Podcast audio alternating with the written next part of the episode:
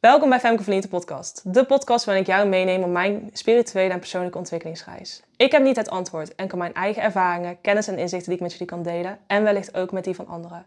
Daarom ga ik met mensen in gesprek over wat zij met de kennis van nu tegen hun jongeren zelf zouden willen vertellen. En vandaag heb ik Dani tegenover me zitten. En hij is de founder van Storyflow Agency voor TikTok marketing en nog een aantal leuke dingen. Maar ik wil jou heel erg bedanken dat jij hier tegenover me zit vandaag. En voor de mensen die jou nog eigenlijk niet kennen, zou jij jezelf een beetje kunnen voorstellen? Ja, allereerst natuurlijk bedankt voor de uitnodiging. Superleuk om hier te zijn. Ehm, ja, ik ben 24. Ik uh, ben, uh, toen ik 18 was, ben ik gestopt met school. Toen ben ik eigenlijk vrijwel direct daarna gaan ondernemen. Omdat ik merkte dat ik niet helemaal binnen het schoolsysteem paste. En um, ja, eigenlijk daarna gaan ondernemen. En uh, mezelf eigenlijk opgeleid met verschillende cursussen, boeken toen de tijd nog. En um, zodoende eigenlijk mijn eigen pad gaan bewandelen. En um, in de tussentijd veel dingen gedaan. Ik heb social media marketing gedaan in het begin. Dat was toen nog best wel makkelijk om mee te beginnen.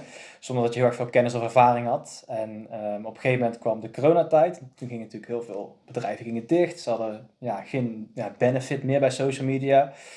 Dus toen uh, ben ik uh, gaan focussen op webshops bouwen. Omdat hè, als, als, als de winkels, die moesten toen dicht. Dus eigenlijk alle bedrijven moesten van offline naar online gaan. Anders konden ze niet doorverkopen. Dus uh, ik ben altijd heel erg goed geweest in het spotten van bepaalde trends en bepaalde opportunities die in de markt gebeuren. En uh, toen de tijd was webshops dus heel erg belangrijk voor veel bedrijven om toch te kunnen doorverkopen. En um, uiteindelijk toch weer laten liggen, omdat daar niet echt mijn passie, uh, mijn passie lag. Ik kon niet echt mijn creativiteit daarin kwijt. Ik was toch heel erg vaak op de achtergrond bezig voor bedrijven. En inmiddels denk ik al ruim 8, 9 maanden eigenaar van een TikTok marketing agency. Dus ik wil niet van die websites bouwen. Bij deze? Ja. en um, waarom ben je toen gestopt met school? Want het paste niet bij je, maar deed je een opleiding? Of... Ik heb één jaar gestudeerd.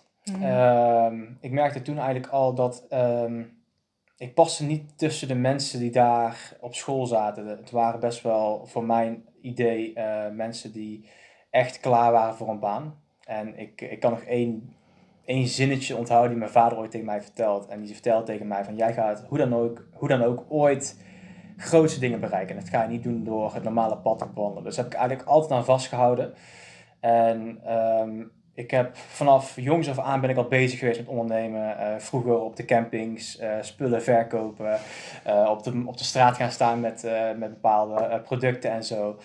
Um, maar dus ook tijdens school, tijdens het profielwerkstuk, focussen op hoe start je je eigen hotel, hoe start je eigen business. Ik ben er altijd mee bezig geweest. Dus, en ik merkte op school dat daar, ik kwam dat niet op mijn recht. Ik wist dat ik daar niet veel zou leren over het opstarten van je eigen bedrijf. En dat je echt ja, klaargestoomd werd voor een baan. En had je ook tijdens die studie van die dagen, op woensdag, donderdag en vrijdag, dat je dan van 9 tot 5 op school moest zitten. En ik werd daar heel erg kriebelig van. Ik, ik, ben, ja, ik ben iemand heel erg vrij. Ik ben een vrije geest, een creatieve geest. En ik hou er niet van om, om ingekaderd of ingeboxt te worden eigenlijk. Dus um, toen bewust gekozen om ermee te stoppen. En uh, eigenlijk heel veel risico te nemen door uh, geen diploma te behalen. Maar te gaan focussen op mijn eigen ja, dromen en doelen. En je zei net al, ondernemers zat al vanaf jongs af aan in je bloed. Hoe heeft zich dat geuit dan, zeg maar... Um op de basisschool bijvoorbeeld, hoe was dat dan als je dat al zo mee bezig bent en je weet al gewoon van het schoolsysteem past niet bij mij? Of zo ja. Ja, ja ik, kijk, ik, ik ben op zich niet tegen het schoolsysteem. Kijk, je past er wel nee, tussen ja. of je past er niet tussen, denk ik. Um, ik wist vanaf vroeger al dat ik daar niet tussen pas. Ik was altijd een jongen die. Uh, ik lette altijd heel erg goed op. Ik zorgde ervoor dat ik tijdens een lessen bijvoorbeeld al mijn huiswerk al afvat. Zodat ik na school kon bezig zijn met dingen die ik leuk vond. Dus ik ging bijvoorbeeld uh, de markt op of ik ging uh, spullen verkopen of ik ging research doen of zo. Uh, op de middelbare school dan. En um, ja, ik zorgde er eigenlijk gewoon voor dat de tijd die ik op school doorbracht, dat ik dat gewoon goed deed. Dat ik daar ook gewoon de nodige ja, skills en de kennis opdeed die ik belangrijk vond. Bepaalde vakken, net als bijvoorbeeld Duits of scheikunde, daar, daar was ik altijd wel een beetje aan het, aan het kloten, om het zo te zeggen. Want ik vond dat gewoon niet, niet interessant. Maar ik zorgde er gewoon voor dat ik tijdens de uren die ik op school uh, aanwezig was, dat ik daar mijn uiterste best deed. Ik was ook altijd de stilste jongen van de klas. Omdat ik gewoon echt heel erg gefocust was op, oké, ik wil zoveel mogelijk informatie tot me nemen. In de les het huiswerk kan maken, zodat ik na school alle vrijheid heb. Vrijheid was voor mij, is nog steeds eigenlijk voor mij een van de belangrijkste kernwaarden. En uh, daarom ook gekozen voor het ondernemerschap. Want ondernemerschap, uh, alhoewel het natuurlijk heel erg veel op je pad komt, kan het aan de andere, andere kant heel erg veel vrijheid voor je opleveren. Dus uh, zodoende. En hoe was jij dan als kind? Want jij hebt nou heel mooi de middelbare school verteld, maar hoe was jij als kind? Ik was als kind. Uh, als je het stilste jongetje van de klas bent, hoe was je dan als kind? Ik was als kind, uh, ik werd heel erg vaak gelabeld met bepaalde negatieve labels. Dus probleemkind of uh, jongetje die net buiten de, buiten de boot paste, zeg maar. de gekke jongen die zeg maar altijd bezig was met gekke dingen en ja, totaal niet op één lijn lag met de, de andere klasgenootjes of de andere mensen uit zijn omgeving. En uh, ik was altijd bezig met, uh, met sport. Ik was altijd buiten in de natuur te vinden. Ik was altijd buiten huis. En als ik dan wel binnen huis was, was ik altijd bezig met creatieve dingen als tekenen. Um, ja, altijd, eigenlijk altijd creatief bezig. Um, moet ik er wel bij vertellen dat het vroeger wel heel erg lastig was. Dat ik gewoon wist van... Um, ja, ik, ik was gemaakt voor meer. Ik ben hier met een bepaalde reden gekomen. Dat hebben mijn ouders me ook altijd meegegeven van we weten niet wat er met jou aan de hand is en we willen het niet negatief labelen. Het komt vast wel ooit ten goede van jezelf, maar we, we, we snappen waarom je bepaalde keuzes maakt, waarom je op een bepaalde manier gedraagt. Ehm, maar ja, toch heel, heel veel andere mensen werden dat ook niet begrepen. Dus dan had je heel erg vaak een, een soort, ja, een hele dunne lijn tussen jezelf begrepen voelen of niet begrepen voelen. En uh, vaak neigde dat toch meer naar niet begrepen voelen als, als kind zijnde. hoe uitte zich dat in het gedrag dan?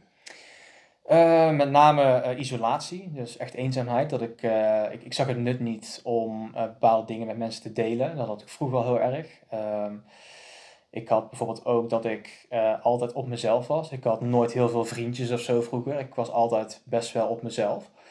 Omdat ik, um, voor mij was de meest veilige plek wanneer ik met mezelf was en niet met andere mensen. En aangezien ik, ben ik later achtergekomen, heel erg vatbaar ben voor hè, energie in mijn omgeving, maar ook energie van andere mensen, heb ik waarschijnlijk vroeger dat ook wel bewust bij, of uh, onbewust bij me gedragen. En ook toen onbewust ervoor gekozen om niet met bepaalde mensen om te gaan, of juist voor te kiezen om mezelf op te sluiten, bij wijze van spreken, of lekker alleen naar buiten te gaan.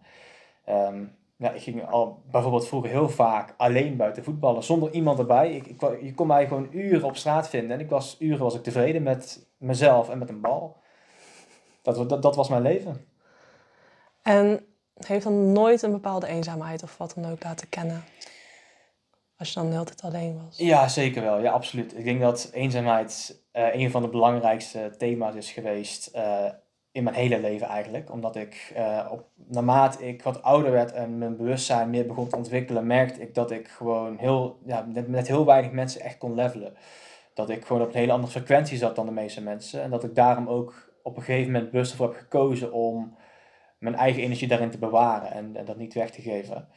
En omdat ik ook wist dat ik vroeger vaak was weggezet als probleemkind of als, hè, waar is die jongen mee bezig, hij past niet tussen, wat is dat voor gekke jongen dat ik er automatisch heb gekozen van de kennis en de ideeën en alle uh, motivatie die ik heb, die wil ik gewoon ja, ik bij mezelf bewaren en, en niet delen met andere mensen. En op een gegeven moment, als dat heel erg comfortabel wordt voor jezelf, dan kom je heel erg makkelijk in het patroon terecht van, nou, ik ga gewoon alles alleen doen. Dus uiteindelijk is daar ook een stukje hyper-onafhankelijkheid uh, uit ontstaan, omdat ik gewoon, ik wilde, ik, ik ontving geen hulp van andere mensen, ik wilde geen hulp van andere mensen een bepaalde ideeën die mensen met mij wilden delen, was ik uh, niet, niet ontvankelijk voor of zo. Omdat ik echt mijn eigen visie had, mijn eigen, mijn eigen dromen had. En die wilde ik gewoon naleven. En uh, ja, dus eenzaamheid is zeker wel een van de belangrijkste thema's geweest. Met name ook in de afgelopen vier, vijf jaar moet ik zeggen. Maar als kind zijn er ook. En je zegt ook van ik werd belabeld als een probleemkind. Heb je daardoor ook niet een misschien een bepaalde bewijsstroom gecreëerd voor wat je nu aan het doen bent met je onderneming? Absoluut, ja. Ik, ik weet dat ik heel erg vaak um, bepaalde acties heb ondernomen of bepaalde keuzes heb gemaakt um, met de verkeerde intenties of met de verkeerde doeleinden in mijn, in mijn achterhoofd. Uh, bij wijze van spreken door alleen maar voor het geld te gaan, omdat ik dan dacht van dan ben ik echt succesvol. Of door uh, bepaalde keuzes te maken in relaties, waardoor ik mezelf beter kon profileren dan de persoon waarmee ik samen was. Dus ik heb heel erg veel keuzes gemaakt waar ik uh, achteraf niet trots op ben, maar wat me wel heeft gemaakt, wat me bewust heeft gemaakt. Um, maar ja, als ik ga kijken naar hoe ik gelabeld ben en hoe dat uiteindelijk is ontstaan in bepaalde copingmechanismen uh, mechanismen of bepaalde patronen die ik heb doorgezet, dan is hyper, ja, hyperonafhankelijkheid er daar eentje van. En de bewijsdrang kwam daar heel erg sterk naar voren, omdat ik zoiets had van ik, ik kan alles alleen doen, ik moet alles alleen doen. En um, ja, ik ben ook opgegroeid in een, in een huishouden. Uh, ik, mijn ouders scheiden toen ik vier, vijf jaar oud was. En ja, als kind zijnde, je, je analytisch denken begint zich pas te ontwikkelen vanaf je zevende, achtste levensjaar. Dus alles voor jouw zevende, achtste levensjaar komt vrij puur bij jouw bewustzijn binnen. Dus alles wat wordt gezegd, alles wat je ziet, alles wat je meemaakt, dat, dat komt heel erg op een pure manier in jouw in jou, onbewust, terecht. En ik heb vroeger wat dingen meegemaakt, dingen gezien, uh, dingen gehoord, uh, ja, die je niet mee hoort te maken als kind zijnde. Um, mijn ouders die waren, hadden vrij vlug na de scheiding een, een andere partner. En um, mijn vader die had een nieuwe vriendin. En um, die kwamen op een gegeven moment bij ons thuis wonen. Dus hadden wij een gezin, ja, een, een samengesteld gezin van zeven personen. Dus met, met vijf kinderen en, en mijn vader en uh, de vriendin van mijn vader. En dat was heel erg lastig, omdat ik al die tijd eindelijk zoiets had van ik heb mijn eigen plekje, ik heb mijn eigen kamer, ik kan mezelf terugtrekken wanneer ik wil. En uh, ik, ik, heb, ik had dan ook gewoon de rust na de scheiding, om het zo te zeggen, van ik kan eindelijk een beetje acclimatiseren. Ze voelden het ook echt, echt als kind zijn, die, die druk van ik moet kiezen tussen papa of mama. En nu heb ik eigenlijk gewoon mijn eigen kamer en ik kan eventjes lekker tot mezelf komen. Komt er in één keer een gezin bij wonen, wat in principe in eerste instantie heel erg leuk lijkt. Maar je moet wel je kamer delen met en je broertje en je stiefbroertje. Dus dat zorgde er gelijk voor dat ik geen eigen plek meer had. Um, Daarbij komende dat ik ook totaal geen relatie had met uh, de vriendin van mijn vader of haar kinderen toen de tijd. Um, dat zorgde voor heel erg veel problemen, heel erg veel onderlinge ruzies. En daar zijn ook de meeste labels en um, ja, negatieve emoties eigenlijk ontstaan, denk ik. Omdat ik toen redelijk, hè, als je 7, 8, 9, 10 bent, dan begin je steeds meer te begrijpen van wat er gaande is. En um, ik vind uh, dat is niet van mijn beleving geweest. Ik denk dat mijn vader of de vriendin van mijn vader er anders naar kijkt. Maar mijn beleving is geweest dat ik op heel erg veel momenten vaak onrechtvaardig ben behandeld. Oneerlijk ben behandeld. En dat ik altijd op een bepaalde manier ben gekleineerd. Omdat uh, ik anders was. Dus dan is het heel erg makkelijk om het te labelen als ja, probleemkind. Of um, ja, hij doet er niet toe. Of whatever. Dat is echt het gevoel wat ik toen de tijd heb ervaren. Dus het, het gevoel dat je er niet toe doet of dat je er niet mag zijn. En dat heeft heel erg veel impact gemaakt op mij als kind zijn. Dat heb ik uh, eigenlijk tot afgelopen jaar heb ik daar nog mee gestruggeld in de zin van eigenwaarde. Uh, niet, ja, mijn eigen waarde niet kennen, uh, people-pleasing behavior, zorg dat andere mensen gelukkig zijn en jezelf op de tiende plek zet om maar geaccepteerd te worden. En ja, dat, zo zijn er heel erg veel dingen vroeger gebeurd waar ik bewust van ben geworden op latere leeftijd, wat zoveel impact op mij had en waar ik nu nog steeds vandaag de dag mee worstel.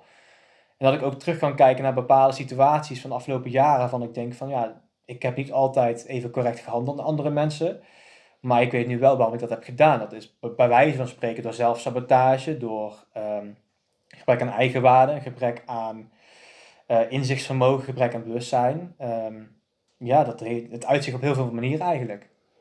En je zegt ook al die gevoelens. Hoe ging je daarmee om? Niet. Ik, ik, ik kon mezelf niet terugtrekken. Um, ik denk dat het heel belangrijk is als kind zijnde dat je je eigen, eigen plekje hebt om, om dat soort emoties te verwerken. Ik weet dat ik als kind zijnde heel veel emoties ja, heb moeten verwerken uh, die op mijn pad kwamen. Uh, natuurlijk, mijn vader was opnieuw hertrouwd, mijn moeder was opnieuw hertrouwd. Twee samengestelde zinnen. Um, financiële problemen, ehm, het gevoel dat je het niet toe doet bij beide huishoudens niet. Uh, dat, dat, dat maakt je als kind aan het denken, want je voelt jezelf niet begrepen, je voelt jezelf niet gewaardeerd, je voelt jezelf niet gewenst. Dus als je dan zeg maar wilt gaan nadenken, je wilt jezelf terugtrekken, maar je hebt niet een eigen plek, omdat je je kamer moet delen met stiefbroertjes en met, uh, of met je eigen broertje. Je gaat jezelf zo isoleren dat je eigenlijk al die emoties gaat opkroppen. En als kind zijnde zorgde dat er uiteindelijk dus voor dat ik in één keer bijvoorbeeld raar uit mijn slof kon schieten. Dat mensen dachten, was, was die jongen agressief of wat is hij, waarom is hij zo boos in één keer? Hij, hij, moet zijn emoties kwijt, want hij kan zijn emoties nergens kwijt. Hij kan met niemand praten. Als hij met iemand gaat praten, wordt hij weggezet als, ja, doe, doe niet zo moeilijk, uh, word volwassen of het is niet zo erg. Uh, maar ja, als hij dan vervolgens heel erg stil is, dan is het ook niet goed, want dan ben je niet betrokken bij het gezin. Dus ik werd altijd bepaalde, hoe, ja, hoe noem bepaalde banen ingedwongen, zeg maar. Van dat was niet goed, maar dat was ook niet goed. Maar wat is dan wel goed?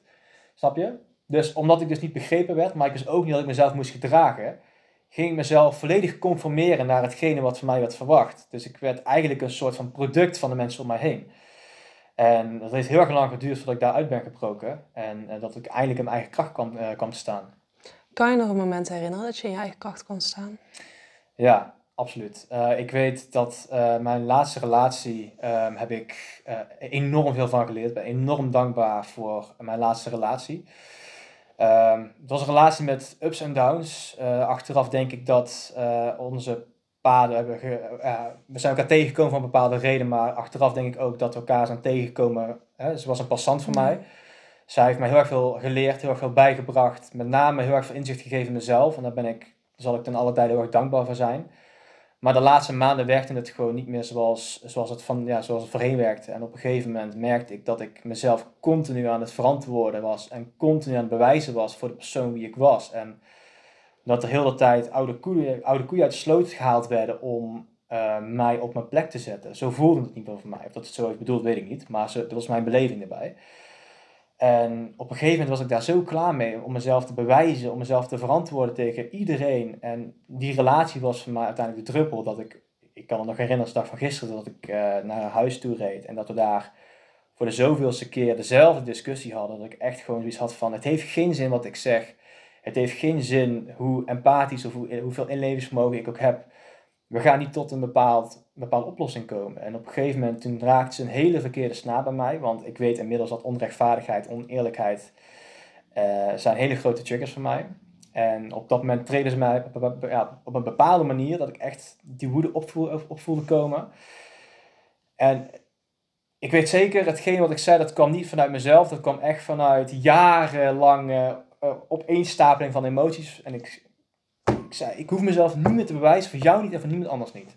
Op het moment dat ik dat zei, het, is, het leek net alsof alle zorgen van mijn schouders afvielen. En dat ik echt dacht van, waarom, waarom zeg ik dit nu pas? En vanaf dat moment leek het net alsof mijn energie een soort shift of zo. En vanaf dat moment is eigenlijk, ben ik in mijn eigen kracht komen staan. Mijn leven is enorm verbeterd. Superleuke mensen om me heen. Mijn business gaat supergoed. En ik denk dat dat de laatste les was die ik moest leren. Want ik weet ook dat ik. Um, relaties zijn mijn grootste sterkte, maar ook mijn grootste zwakte. En ik weet ook dat ik het heel erg moeilijk vind om bepaalde knopen door te hakken in een relatie. Bijvoorbeeld als dingen niet meer gezond voor mij zijn. Of wanneer ik er zelf aan onderdoor ga. Um, ben ik altijd de persoon die nog te lang, zeg maar, aan, aan, aan, aan ja, eraan vast blijft houden.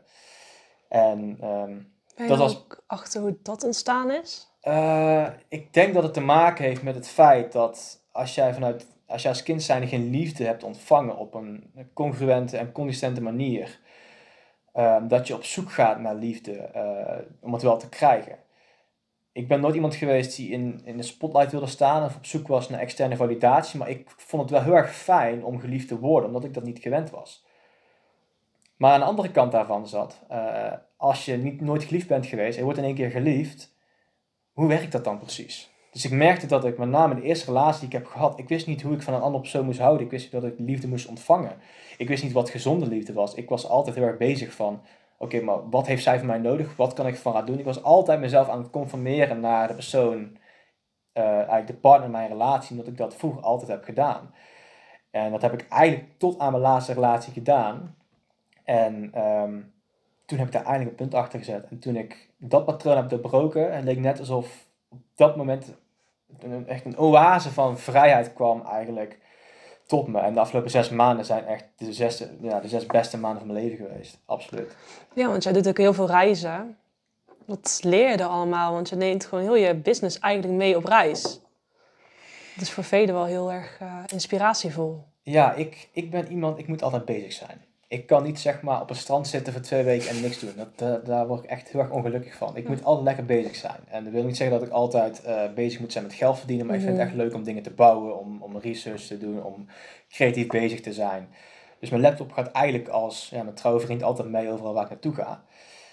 Um, maar reizen heeft voor mij een hele andere betekenis dan alleen het zien van andere culturen, het, het zien van bepaalde plekken of een, een mooi strandbezoek of zo. Voor mij reizen is voor mij de ultieme tool geweest om mezelf spiritueel te ontwikkelen. Want Ik ben een enorme fan van solo reizen. Ik ga heel erg vaak lekker zelf alleen op pad.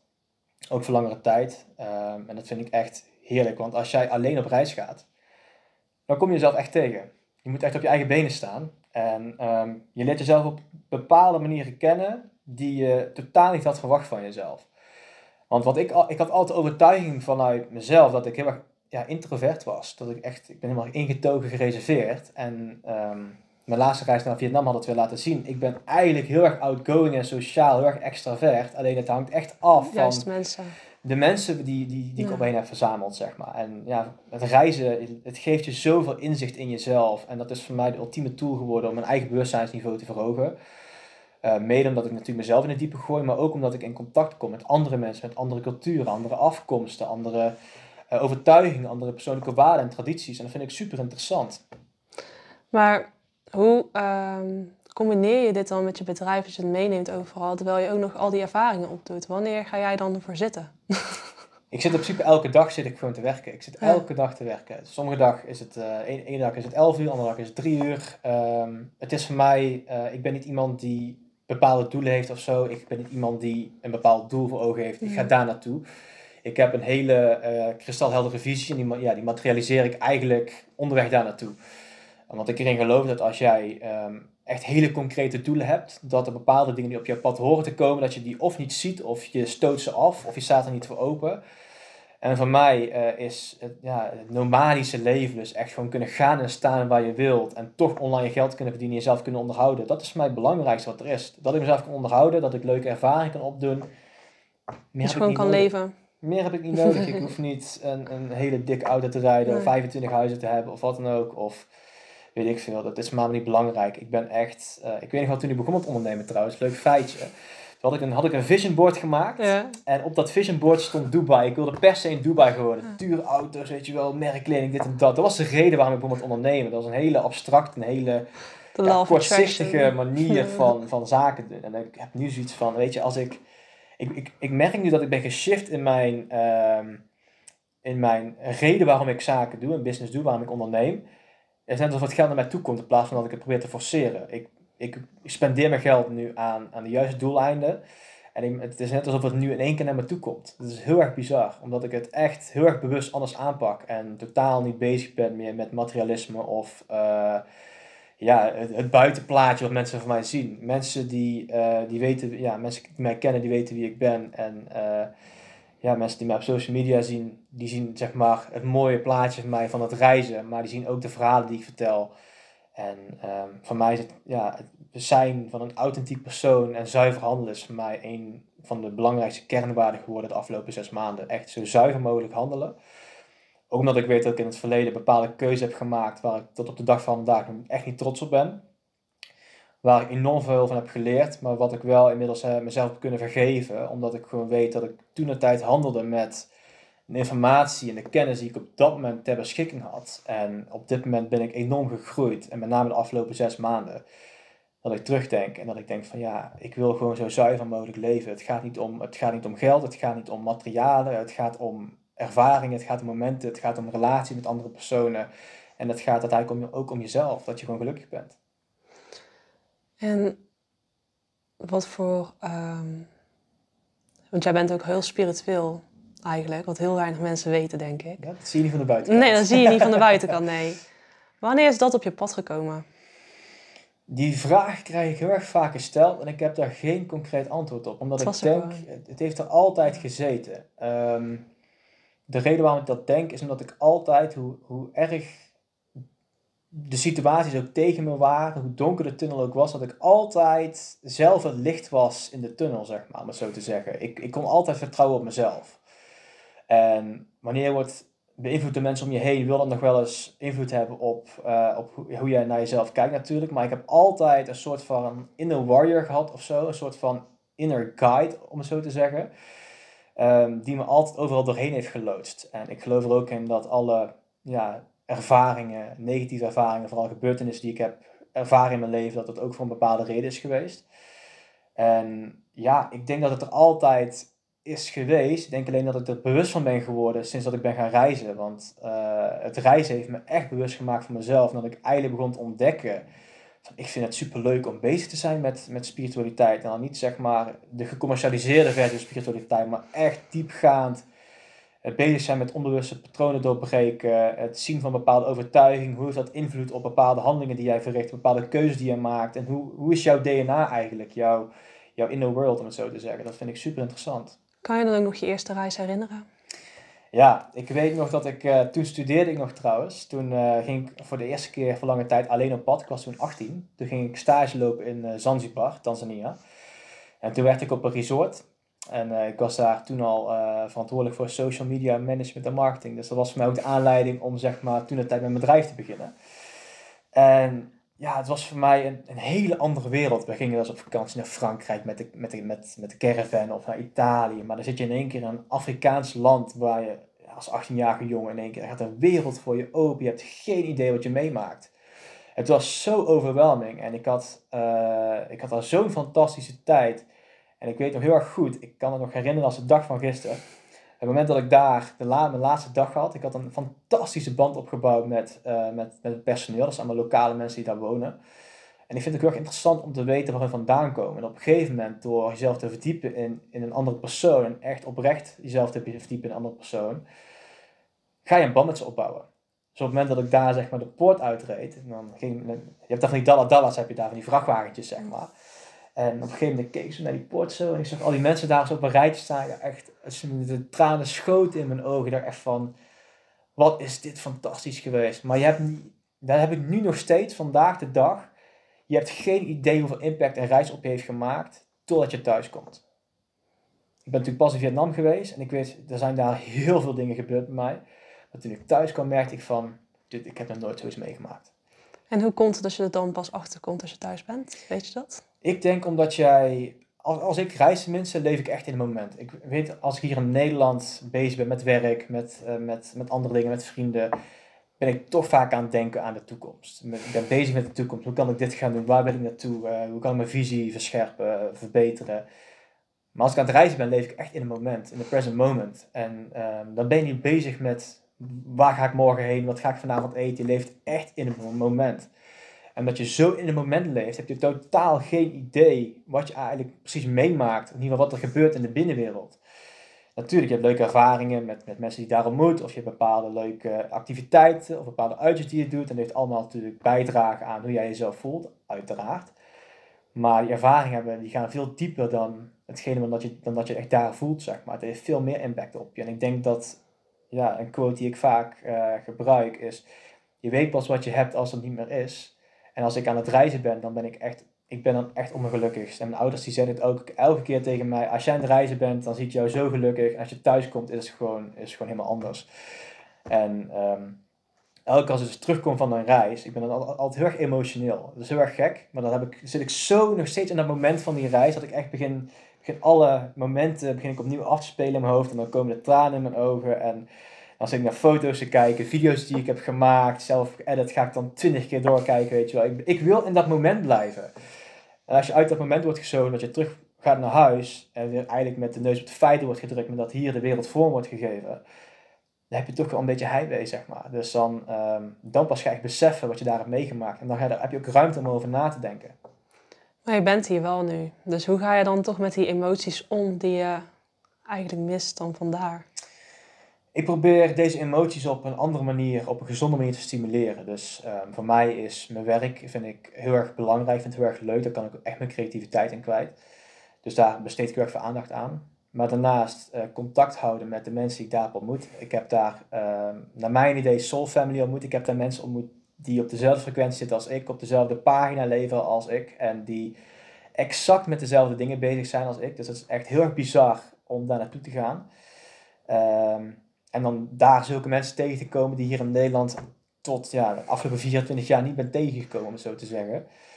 Dus uh, ja, en ik ben op dit moment ook weer uh, een, ja, een plan om terug te gaan naar Vietnam. Want uh, ik heb daar natuurlijk, nou die vrienden zitten, maar ik heb ook een heel leuk meisje ontmoet daar. En dat, dat klikt eigenlijk heel erg goed. En ehm, een totaal andere persoon, totaal andere, ander meisje dan dat ik eigenlijk de voorgaande relaties heb gehad. En toen begon ik ook echt wel te zien van die les die tussen mijn laatste relatie zit en dit meisje, het is nog niks serieus, maar ik, ik ben heel erg bewust bezig met hè, wat als het wel iets kan worden, wat gaat dan het verschil zijn met mijn laatste relatie. En dat is echt, er zijn twee werelden, twee verschillende werelden, 180 graden gedraaid van elkaar. Dus dat laat wel zien dat ik daarin heel erg gegroeid ben, dat ik nu ook echt let op andere dingen. Dus ehm, op dit moment ben ik bezig met uh, mijn reis te plannen naar Vietnam en zo snel mogelijk terug te gaan. en van plan daar te blijven? Ja. Leuk. En hoe um, was het dan ook um, als je al die ervaringen van het reizen meeneemt, om nu hier dan alles te integreren in je bedrijf? Want jij hebt dan verschillende dingen daarvoor. Ik denk dat je het allemaal kan integreren, maar um, komt dat hier tot zijn recht? In delen, denk ik. Ja. Ik denk, uh, wat, wat ik merk, ik heb dat ook heel erg vaak uh, gedeeld met mensen hier gewoon thuis, mijn ouders, dat ik heel erg, ik, ik, ik schep ontzettend veel inspiratie wanneer ik aan het reizen ben. Uit, uit de cultuur daar, uit de gesprekken die ik heb met mensen. Je krijgt een veel breder perspectief van bepaalde dingen waar je mee bezig bent. Dat andere mensen gewoon heel anders kijken naar bepaalde dingen.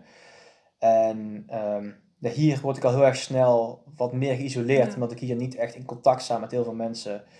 En um, met name echt gewoon gefocust ben om die energie vast te houden die ik daar heb gekregen, daar heb opgebouwd eigenlijk. Dus het komt niet helemaal tot zijn recht, denk ik. Um, maar ik doe wel mijn best om die momentum gewoon vast te houden. Dat is, dat, is eigenlijk het belangrijkste. Dat ik niet terugval in oude gewoontes, in oude patronen of in oude energieën. Maar wel gewoon de momentum vast te houden.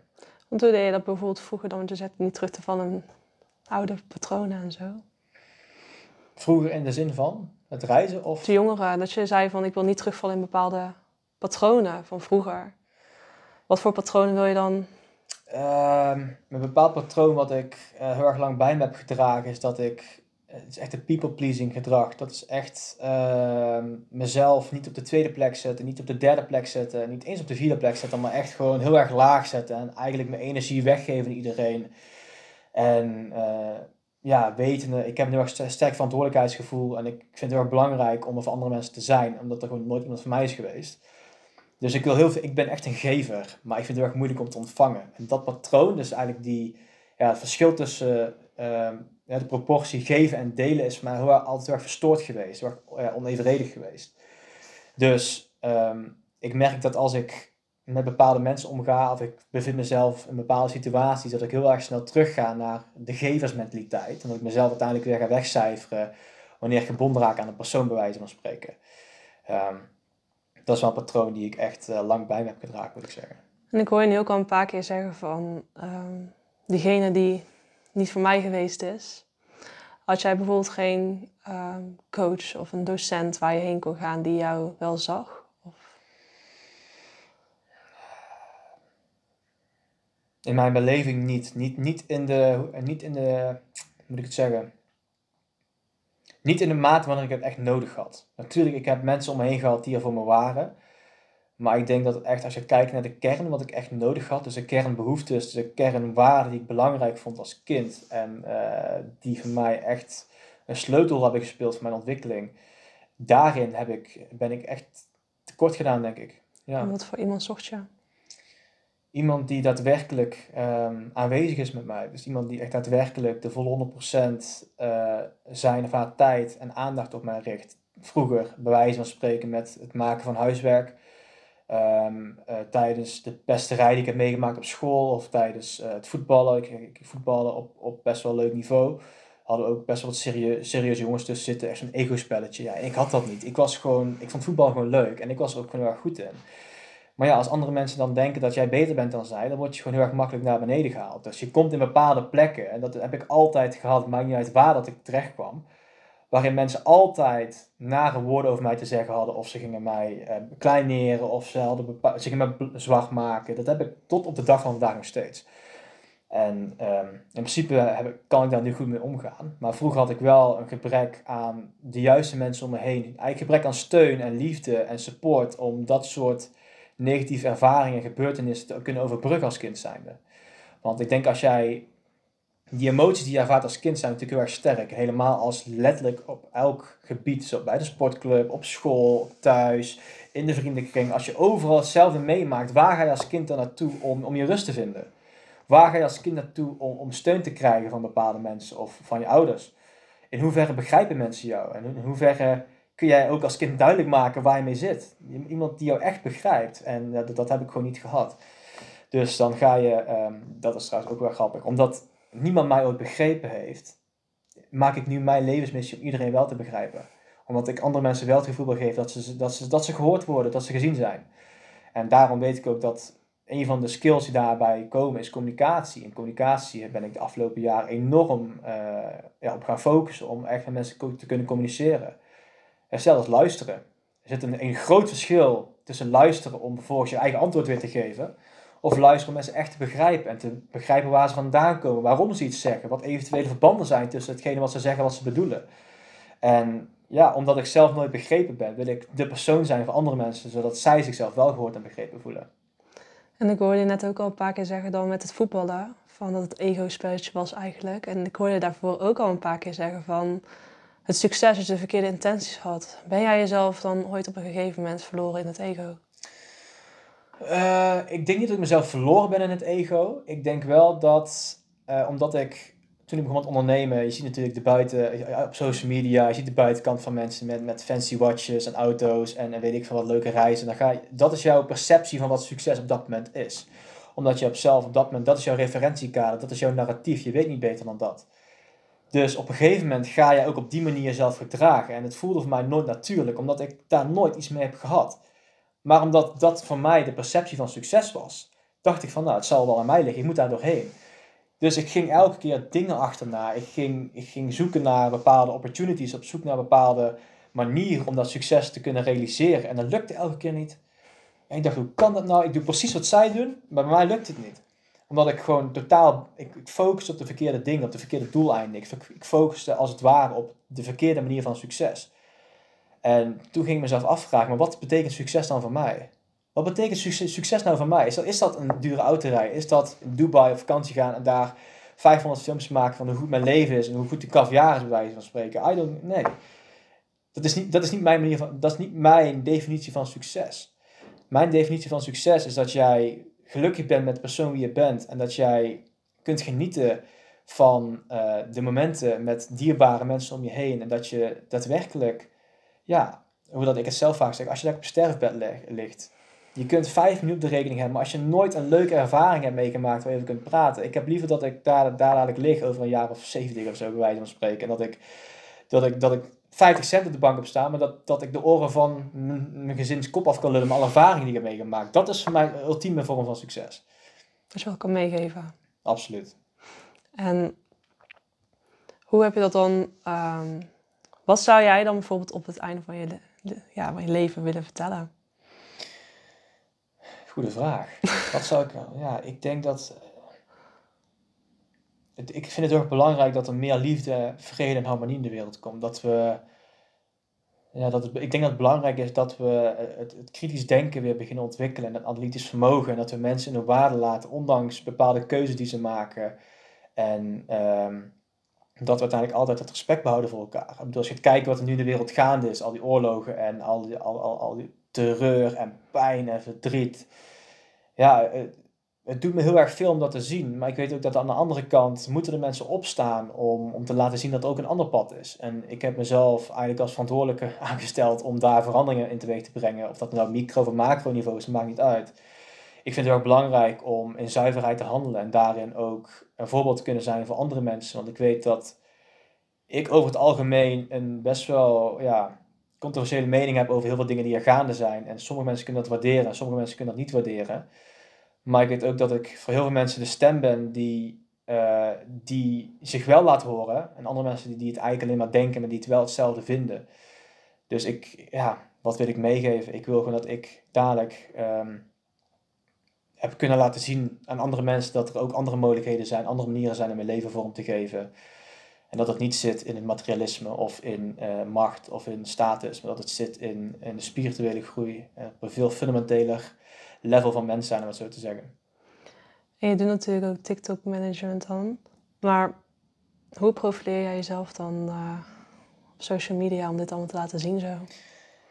Ik deel, uh, ik deel datgene van mezelf wat ik wil dat andere mensen van mij weten. Of wat, waarvan ik vind dat het oké is van andere, voor andere mensen om te weten. Maar ik deel niet alles over mijn privéleven. Omdat ik, ik vind het ook belangrijk dat ik niet ver, ja, verdwaald raak in de social media wereld. En ik zie dat jammer genoeg bij heel veel mensen gebeuren. Die raken echt verdwaald in ja, de wereld van social media. Hè. Hoeveel, hoe meer likes, hoe meer views ik heb, hoe beter ik mezelf voel. Hoe meer comments of DM's ik krijg, hoe meer gevalideerd ik mezelf voel. Ik heb zoiets van, ik vind het belangrijk om hetgene wat ik bij me draag, mijn boodschap te delen met mensen, ongeacht hoeveel views of likes ik krijg.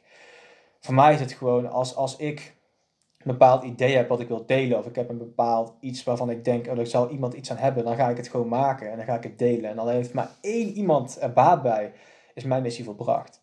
Dat is al genoeg. En diegene zocht jij vroeger wellicht. Precies, absoluut. En dan kan je nou zijn van iemand anders. Ja, ja, zo zie ik het ook. Ik weet dat ik door de jaren heen, uh, hè, het pad dat ik heb bewandeld is alles behalve makkelijk geweest. En, maar ik ben er heel erg dankbaar voor. Als ik er nu op terugkijk, ik had het voor geen goud willen inwisselen, want het heeft me wel gemaakt tot de persoon wie ik nu ben. En ik weet ook dat ik bepaalde processen heb moeten doorstaan om de kennis en wijsheid te kunnen vergaren die ik nu heb gekregen om andere mensen hierbij te, te helpen en te begeleiden. En ja, als ik nu terugkijk naar bijvoorbeeld de 14-jarige versie van mezelf, dan zou diegene het heel erg fijn hebben gehad om een persoon als ik naast hem te hebben. Dus ik wil die persoon zijn voor andere mensen. En hoe was 14-jarige jij dan? Ja, uh, ik, ik, denk dat de 14-jarige ik verdwaald was tussen de wereld uh, van wat, wat is echt en wat is niet echt. Omdat je zoveel prikkels krijgt als 14-jarige. Ik ging toen net naar middelbare school. Ook daar had ik, ik had letterlijk één twee vrienden waar ik echt mee opschoot. En ze zaten niet eens in dezelfde klas. Dus ik zat in klas met mensen waar ik geen band mee had.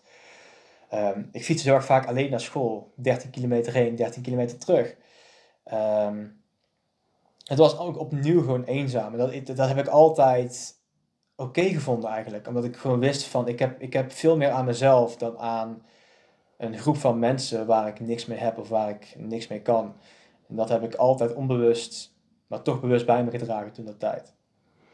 En het is vaak ook zo'n leeftijd dat je met ehm, vrienden dan ook in aanmerking komt met andere vriendengroepen en zo. En uitgaan. En dat heb je dan nooit gedaan? Of? Ik, uh, ik moet zeggen dat als ik ga kijken naar de afgelopen, uh, ja, laten we zeggen vanaf mijn 16e, dat ik echt, uh, mijn eerste biertje was toen ik 18 was trouwens, dus ik ben altijd heel erg braaf geweest daarin.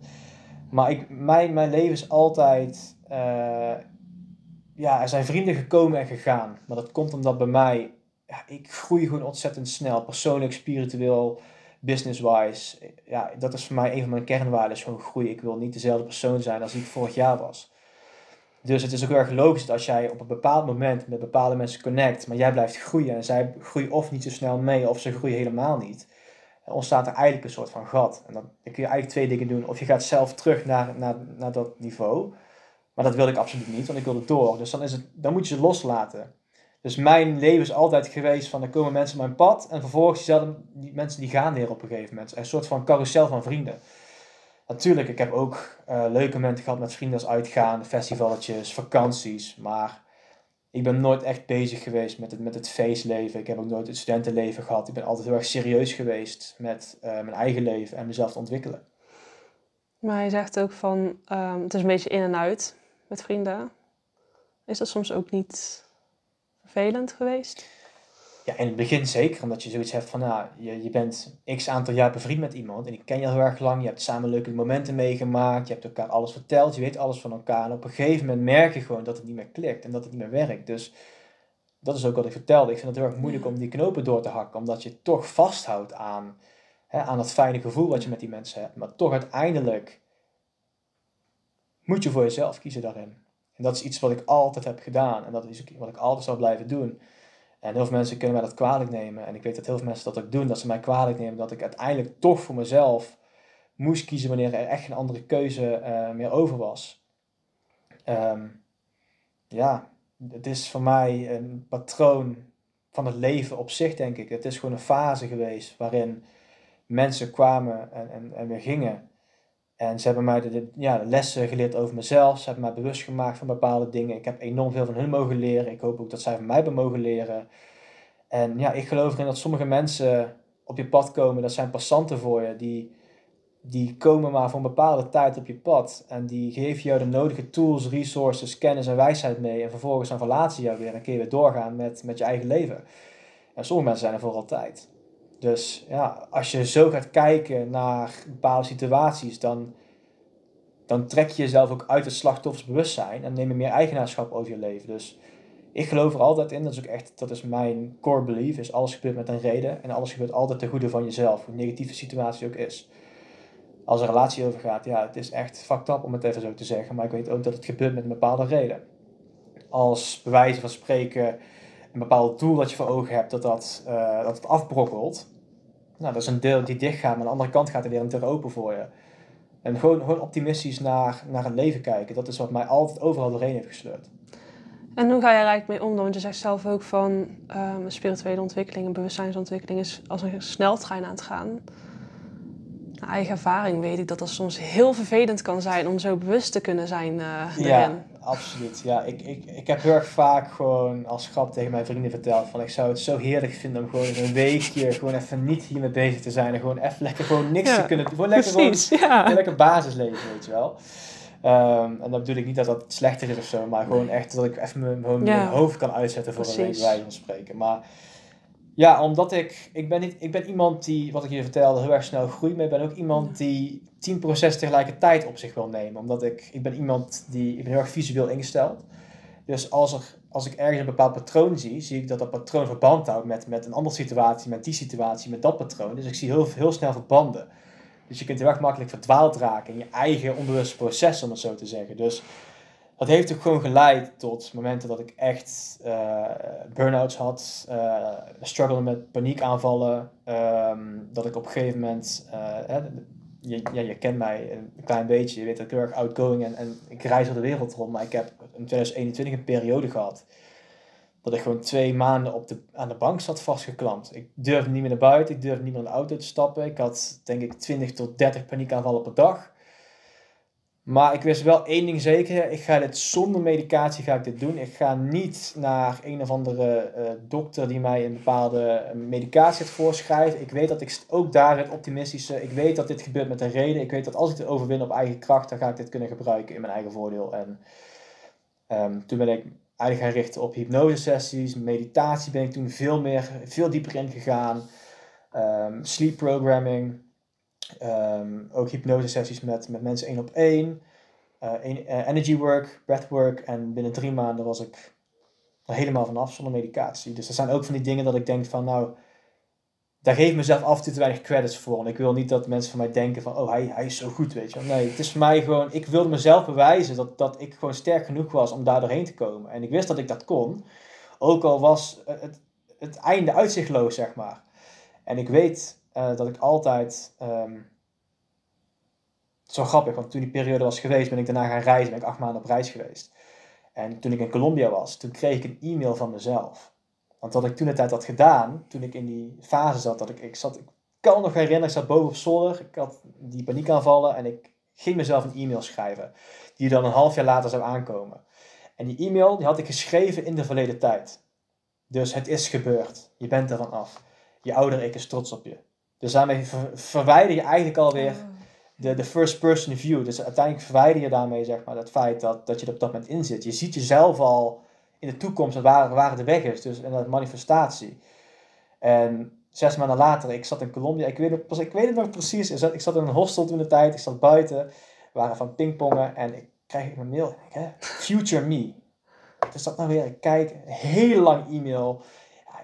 E-mail echt. Ik denk wel 5000 of 5000 tekens of, woorden. En mijn tranen schoten in mijn ogen. Ik zat echt te kijken van dit is gewoon pas een half jaar geleden. Ik ben helemaal vergeten dat ik deze e-mail naar mezelf heb gestuurd, maar ook in de verleden tijd. Dus toen wist ik al van, ik moet het in de verleden tijd schrijven. Niet in, ik moet mezelf niet zielig vinden van, oh het is zo kut, dit en dat. En nee, het is gebeurd, je bent er overheen gegaan, je was een rups, je bent nu een vlinder.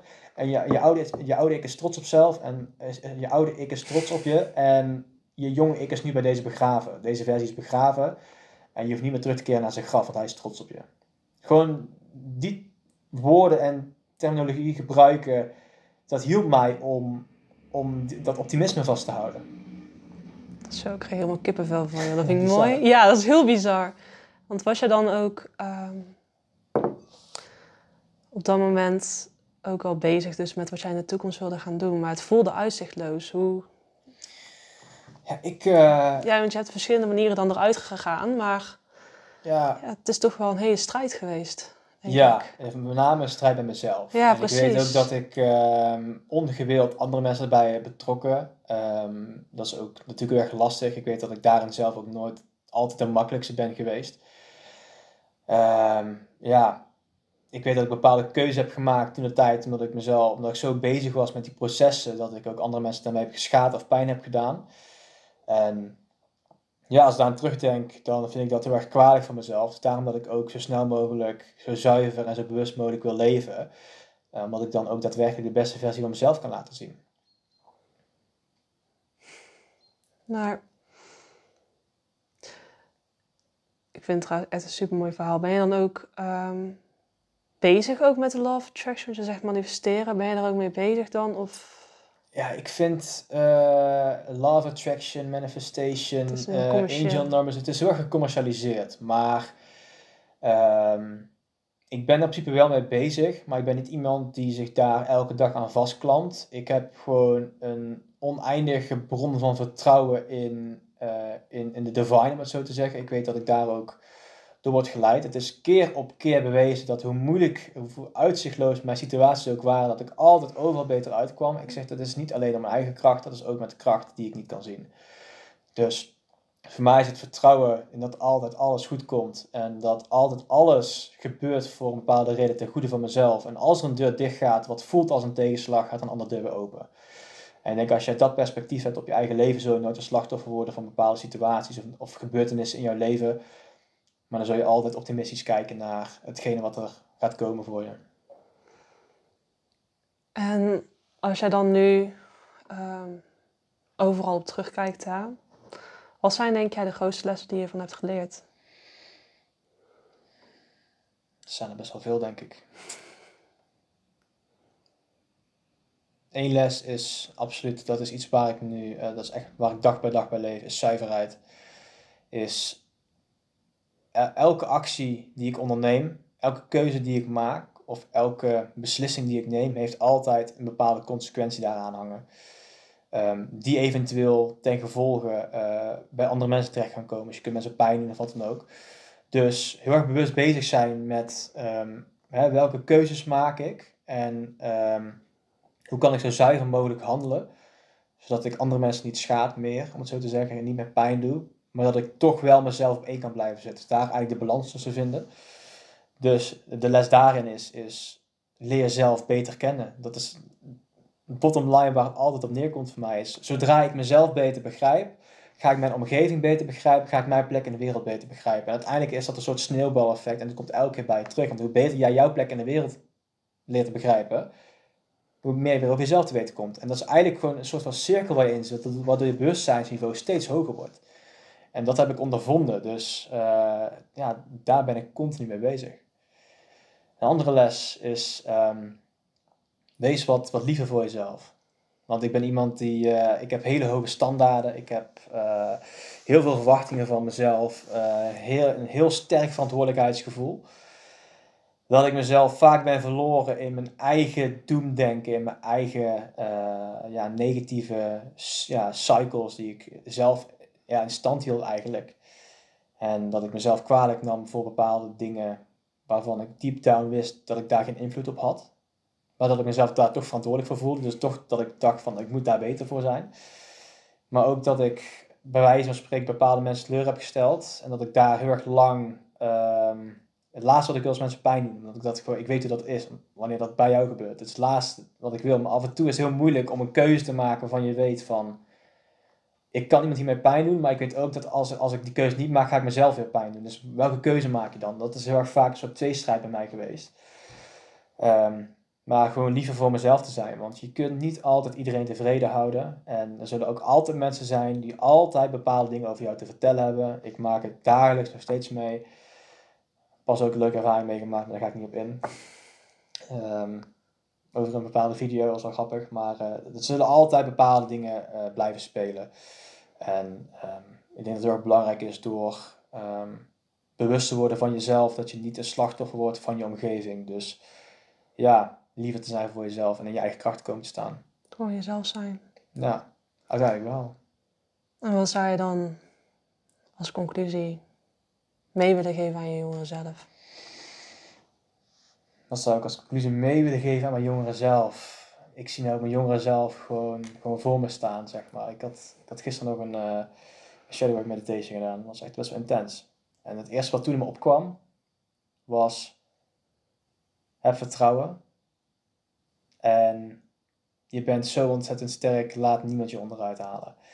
Want ik weet al, ik heb altijd geweten hoe sterk ik van binnen ben, hoe sterk ik in mijn schoenen sta, maar dat ik toch altijd op een bepaalde manier aan het wankelen ben gebracht door mijn omgeving. Twijfel niet meer aan jezelf, want je weet wie je bent en je hoeft jezelf niet te bewijzen aan wie dan ook. En als dat wel zo is, dan zijn er niet de mensen die, die bij jou horen te zijn. Uh, de juiste mensen die bij jou horen te zijn, zullen nooit van jou verwachten dat jij jezelf moet bewijzen op welke manier dan ook. Of moet verantwoorden op welke manier dan ook.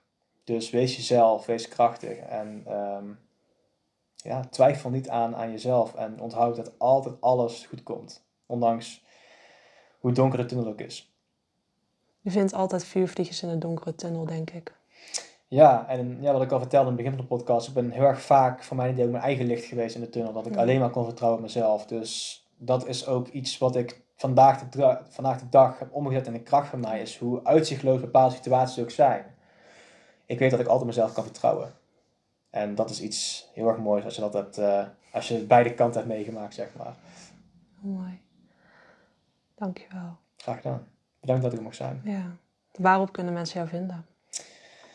Ja, uh, op social media, Instagram, TikTok ben ik niet heel erg actief op dit moment. Ik ben uh, lekker bezig om mijn trip terug naar Vietnam te plannen, dus ik ben een beetje lekker onder de radar bezig nu.